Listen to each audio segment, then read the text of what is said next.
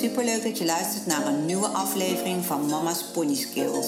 Een podcast gemaakt voor moeders, door moeders. Dit is dé plek voor ouders en begeleiders van kinderen en hun ponies. Ons motto is voor iedereen wat wils en samen ontwikkelen wij onze eigen pony skills.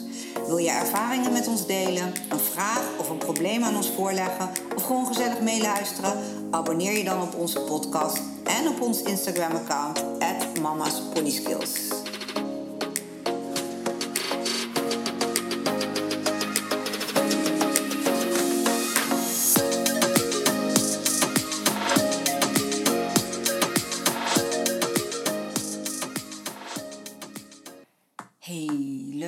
luistert naar een nieuwe aflevering van Mama's Pony Skills.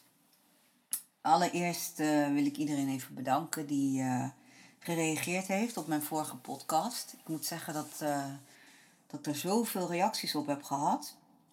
Ehm, het ging eigenlijk over of je een uh, 100% brave pony zou kopen met een stalondeugd. En daarbij had ik ook, heb ik zeg maar een, de vraag gesteld op Instagram. Zou jij een 100% brave pony kopen met een stalondeugd? En daarop was het antwoord uh, 59% zei ja en 41% zei nee.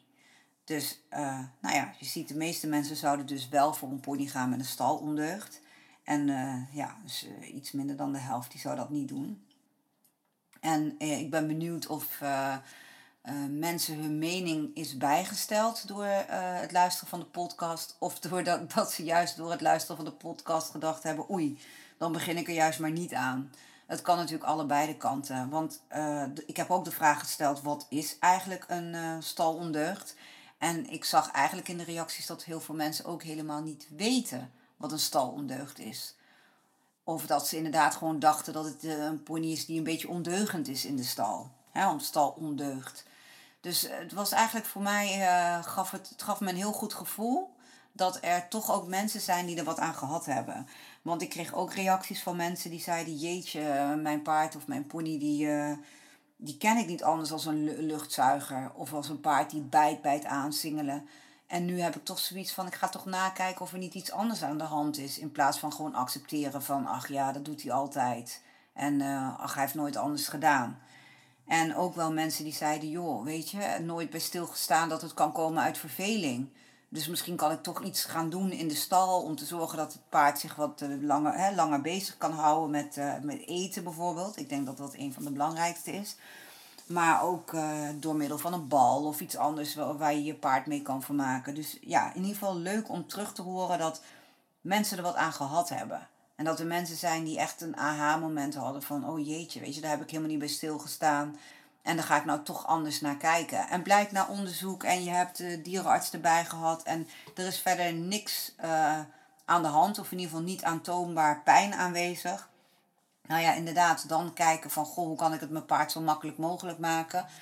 Uh, zodat hij in ieder geval een bepaalde uitdaging uh, heeft en niet, geen last heeft van verveling, genoeg buiten komt. Ja, ik, vind, ik denk het is altijd goed om daarover na te denken. En ik vind het belangrijk om dit soort dingen met elkaar te delen. Want er was ook een dag dat ik niet op de hoogte was van de dingen die ik nu weet. En dat ik bijvoorbeeld juist heel negatief stond tegenover bepaalde stalondeugden en inmiddels wat genuanceerder. Maar goed, dat is genoeg over eh, mijn vorige podcast. Uh, zou je een brave pony kopen met een stalondeugd? Um, vandaag wil ik het over iets anders hebben. Ik uh, vraag wel vaker op Instagram uh, van joh, heb je een vraag of heb je iets wat, wat je bespreekbaar zou willen gemaakt willen hebben. En dit was ook een vraag. ja, ik heb dus een moeder, ik had een moeder die, die zei, ja, we hebben een hele brave pony gekocht.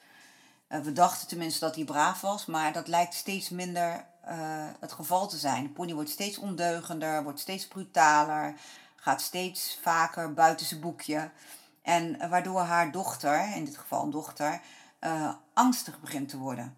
En ze heeft echt zoiets van, ja, voordat ze daar helemaal de plezier verliest, hoe kan ik voorkomen dat, of hoe kan ik er juist voor zorgen dat mijn brave kinderpony ook daadwerkelijk braaf blijft? Ja, ik vind het echt een hele goede vraag, want ik denk dat wij als ouders daar allemaal tegenaan lopen.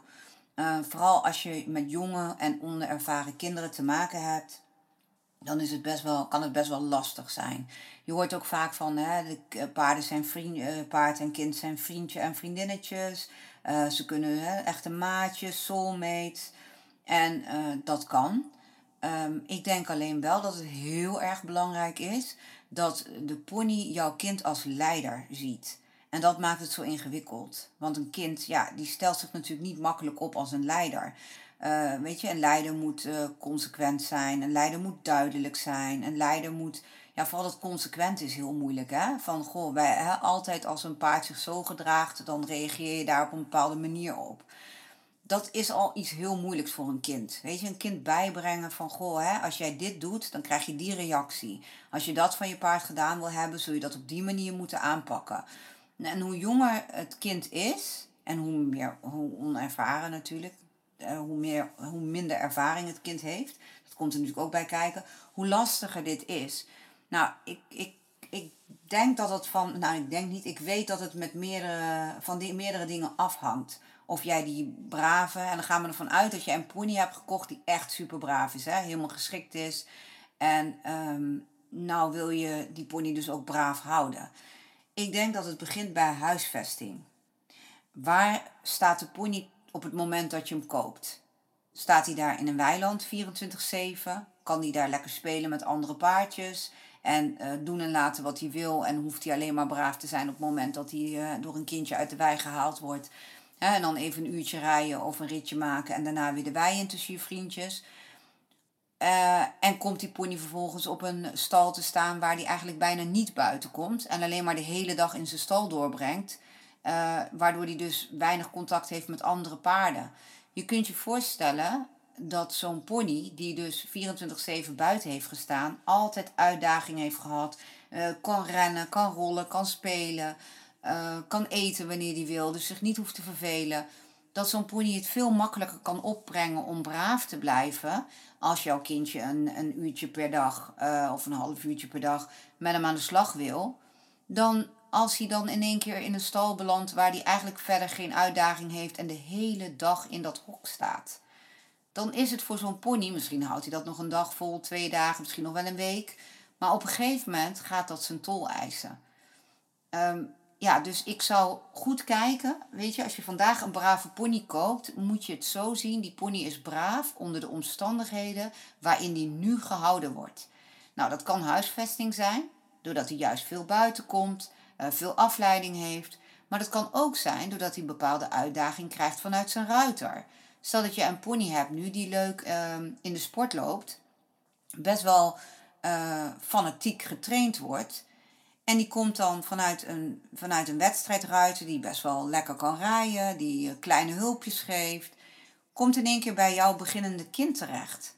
Ja, dan zal die pony in het begin misschien nog wel even braaf blijven. Maar op een gegeven moment heb je kans dat die pony zijn uitdaging gaat missen. En doordat hij alleen maar rondjes hoeft te sloffen door de bak, zo zeg ik het een beetje oneerbiedig, dat hij op een gegeven moment dat wel gezien heeft. Je kunt het een beetje vergelijken met je kind die al kan lezen en schrijven. En die wordt teruggezet naar de kleutersklas waar hij alleen in de poppenhoek mag spelen. Weet je, het kan gewoon soms zijn dat die pony niet meer de uitdaging krijgt die hij toch zo graag krijgt. Ook al geef je hem voldoende beweging, voldoende uitdaging. Uh, in, in zijn stal dan bedoel ik, hè? of in, met soortgenootjes. Dat hij lekker naar buiten kan, dat hij kan spelen dat er voldoende afleiding is. Dan kan het nog zijn dat die pony zich niet prettig voelt met een beginnende ruiter. Uh, stel je bijvoorbeeld voor dat een, een, een pony een, een ervaren ruiter op zijn rug heeft gehad, die de benen mooi stilhoudt, de handen stilhoudt. En in één keer te maken krijgt met jouw beginnende kind, die nog een beetje met de handen op en neer gaat, met de benen kleppert. Daar kan een pony of heel tam van gaan worden, dat hij zich een beetje gaat afsluiten, omdat hij het niet prettig vindt dat jouw kind dus nog zo met de benen beweegt en nog niet die onafhankelijke zit heeft. Maar het kan ook zijn dat die pony op een gegeven moment de benen neemt. Dat hij op hol slaat met jouw kind.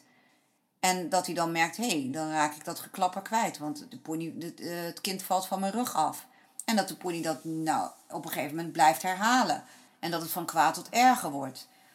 Dat zijn al bepaalde voorbeelden waarbij je soms dat niet eens in de gaten hebt, dat de pony beetje bij beetje aan het afhaken is of zich ongelukkiger begint te voelen. Dus dat zijn echt dingen om van tevoren goed te bekijken. Van oké, wat is de situatie waarin de pony nu wordt gehouden? Op welk niveau wordt hij gereden? Wat wordt er van hem verwacht? En wat gaan wij doen? je kunt ook zeggen van, oh nou, die pony staat daar vooral op stal. En maar heel af en toe buiten. En bij ons mag hij 24-7 buiten blijven. In een kudde. Hartstikke fijn. En dan hoeft hij wel iets minder hard te werken dan daar. Maar dat vindt de pony misschien juist wel fijn.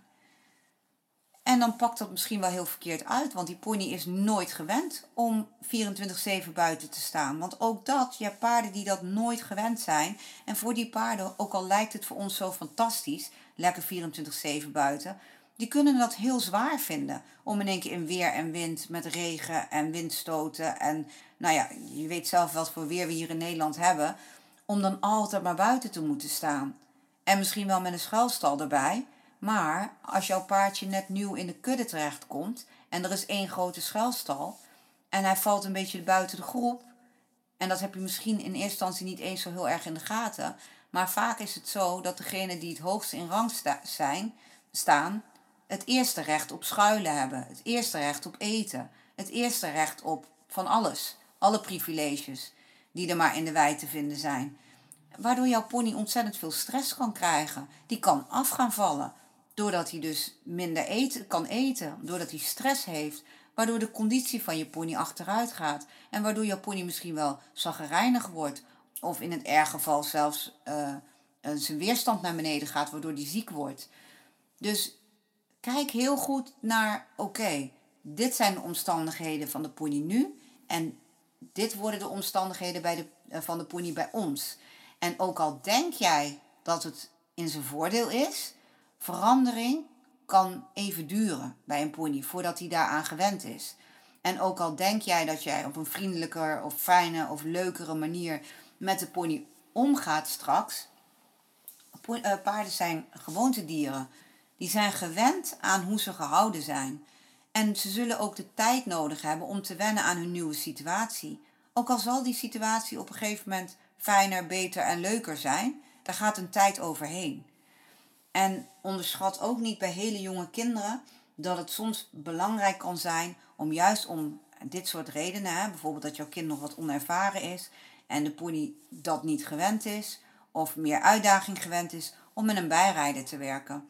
Ik heb totdat um, Jalen, mijn dochter, uh, zes was, heb ik een bijrijder gehad. Dus vanaf zij anderhalf was, dat zij een beetje anderhalf, twee, dat zij een beetje uh, Lola eigenlijk voor zichzelf had had ik al zijn bijrijder bij. Totdat ik zoiets had van oké, zij is nu in staat om zelfstandig te kunnen stappen, draven, galopperen, een sprongetje te maken, een buitenritje. Ze kan de pony redelijk zelfstandig verzorgen. Met mij er natuurlijk bij, want je laat een kind van zes niet alleen. Maar pas dat was het moment dat ik zei: Oké, nu mag het zonder bijrijder. Want Jalen die vond natuurlijk altijd: ik wil de pony lekker voor mezelf. En dat snap ik wel. Maar dan kom ik bij het volgende punt: consequent zijn.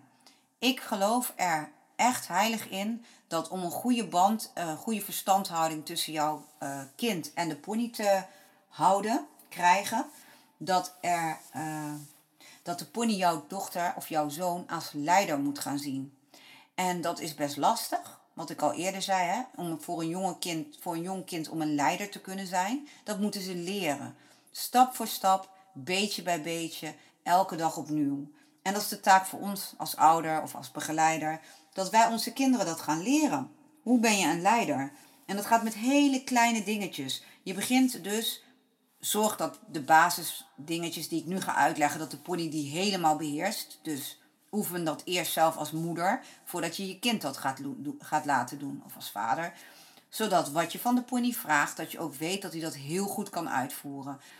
Wat ik dus bij onze chat als eerste heb geleerd. Ze moet kunnen stilstaan. Ze moet kunnen lopen als ik loop. Als ik weer stilsta, moet ze ook weer stilstaan. Ze moet mee kunnen rennen naast mij. Weer stoppen als ik stop. Achteruit gaan als ik zeg dat ze achteruit moet. Ik leer de kinderen altijd vooraan bij de borst zitten achteruit uh, knop. Druk die maar in en dan gaat de pony terug. En dan zeg je in het ritme terug, terug. Nou, zo leert iedereen dat op een andere manier.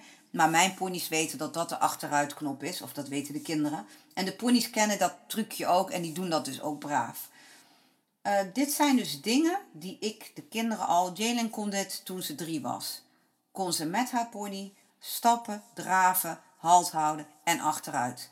Die dingen had ik haar precies geleerd. Hoe hou je het touwtje vast? Hoe loop je ernaast? Wat zijn de commando's? En ik herhaalde dat drie keer in de week. Want toen ze heel klein was, mocht ze drie keer in de week met de pony aan de slag.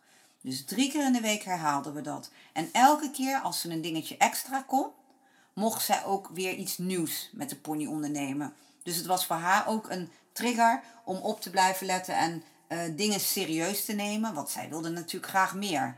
En om meer te mogen, moest ze zorgen dat ze bepaalde basisdingen met de pony kon en die goed kon uitvoeren. En dat deden we wel spelende wijze, want de kinderen zijn nog heel klein. Het moet leuk zijn. Maar daarbij is dus mijn taak als moeder om te zorgen dat die pony dat vlekkeloos doet. Dat ik hem niet mee hoef te slepen. Dat als ik stilsta, dat ze meteen stilstaat. Dus ja, door dat heel veel te trainen, is, is Lola, onze Shetlander, in staat om met een kindje van anderhalf, die gewoon zelfstandig kan lopen, aan een touwtje mee te lopen. Wanneer het kindje stopt, stopt zij ook. Wanneer het kindje loopt, loopt zij ook. Uh, gras eten, dat, daar heb ik heel wat uren in zitten zelf. Dat is het eerste wat de ponies afleer. Als ze over, langs het gras lopen, ze mogen geen hap eten, zolang ik ze in de hand heb. Op het moment dat ze vrij zijn, mogen ze eten. Ik leer ook met wandelen nooit gras eten. Dat zijn van die kleine dingetjes waarmee je kan testen of er een bepaalde um, ontzag is ook voor jouw kind op een gegeven moment. Maar jij moet het eerst de pony geleerd hebben. Als de pony bij jou al probeert je zich los te rukken en gras te eten, kun jij niet van je jonge kind verwachten dat hij de pony zover krijgt dat, dat hij dat niet doet. Dus dat zijn uitdagingen. Maar dat gras eten is een van de latere uitdagingen. Je begint natuurlijk met het meelopen, het wachten. Dat zijn kleine, simpele dingen om zowel je kind zelfvertrouwen te geven van hé, hey, de pony luistert naar mij. Als ik stop, stopt hij ook. Als ik loop, loopt hij mee. Als ik op de achteruitknop eh, duw aan de voorkant, gaat hij ook daadwerkelijk achteruit. Dus je leert al jouw kind dat het kind bepaalt wat de pony gaat doen. En zo komt er een vertrouwensband. En dat doe je ook stapje voor stapje als ze erop gaan. Net als longeren. Met een jaar of als ze een jaar of vijf, zes zijn, begin je echt met longeerwerk. Zodat ze ook leren, uiteraard leer je het eerste pony, stap, draf en galop. Braaf in de ronde. Op één plek blijven staan. En leer je kind de pony besturen. Vanuit stap, draf en galop. Leer je kind hoe de pony van, van zich afkrijgt. Dat hij niet een stap naar achter moet doen als de pony naar hem toe komt. Maar juist een stap naar voren moet zetten. De pony aan blijft kijken van nee, van mij af. Van die simpele kleine basisdingetjes die je die kinderen kunt leren, waar je spelletjes van kan maken en die ze super leuk vinden om te doen. Hou alles kort en hou het simpel.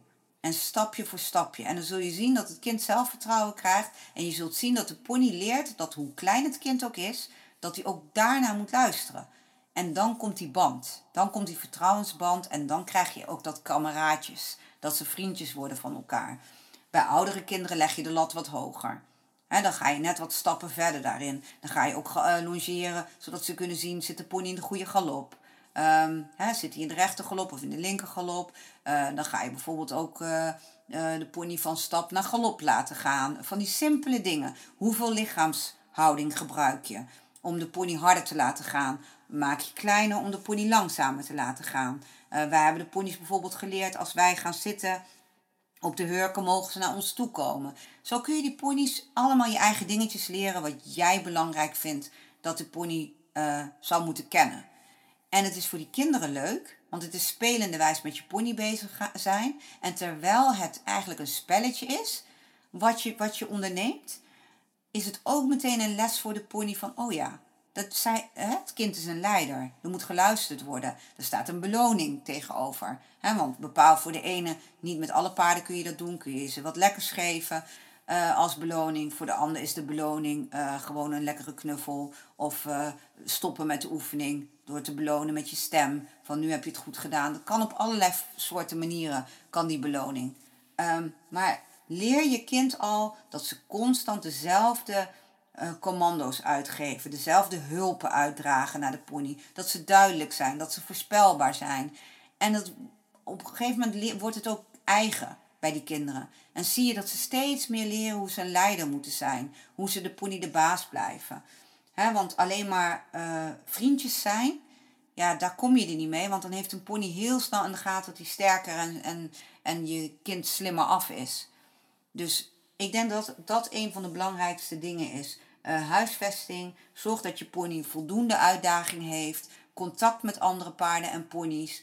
Um, dat in dat uurtje of half uurtje dat jouw kind zeg maar de volle aandacht nodig heeft van die pony, dat het ook leuk is. En dat het niet iets onmogelijks is. Want een pony die zijn energie niet kwijt kan, die zijn uitdaging die niet uitgedaagd wordt, ja, is bijna onbegonnen werk voor die pony om braaf te blijven. Om nog die brave kinderpony te kunnen zijn.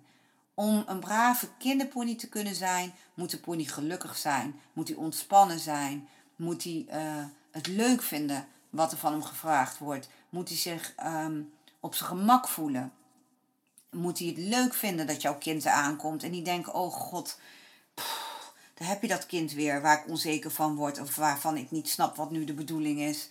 Of erger nog, waarvan ik op mijn kop krijg als ik het niet begrijp. Want dat is het vaak, hè. Uh, paarden willen best wel meewerken. Maar soms voelen ze zich ook gewoon niet begrepen. Of begrijpen ze het kind ook gewoon helemaal niet. Of uh, krijgen ze zoveel andere signalen als dat ze eerder gewend waren. Want dat is ook heel belangrijk. En vandaar dat ik altijd zeg: superleuk dat de pony braaf is op de plek waar die nu is. Maar kijk naar de omstandigheden. Onder welke omstandigheden leeft die pony daar? En wat is de situatie bij jou? Wat heb jij en heb, jij en jouw kind de pony straks te bieden? Kan dat, uh, voldoet dat aan de behoeftes van de pony? Of moet je daarin wat uh, ja, bijvoorbeeld een bijrijder gaan toevoegen. Of uh, um, toch kijken naar andere omstandigheden die beter bij de pony passen. Want nogmaals, hè, voor de ene werkt 24-7 buiten perfect. En voor de andere pony is dat toch iets minder geschikt. Dus ook dat, ook al lijkt het een de ideale situatie, kijk altijd naar hoe staat de pony erbij nu bij. En luister ook naar de, de huidige eigenaren.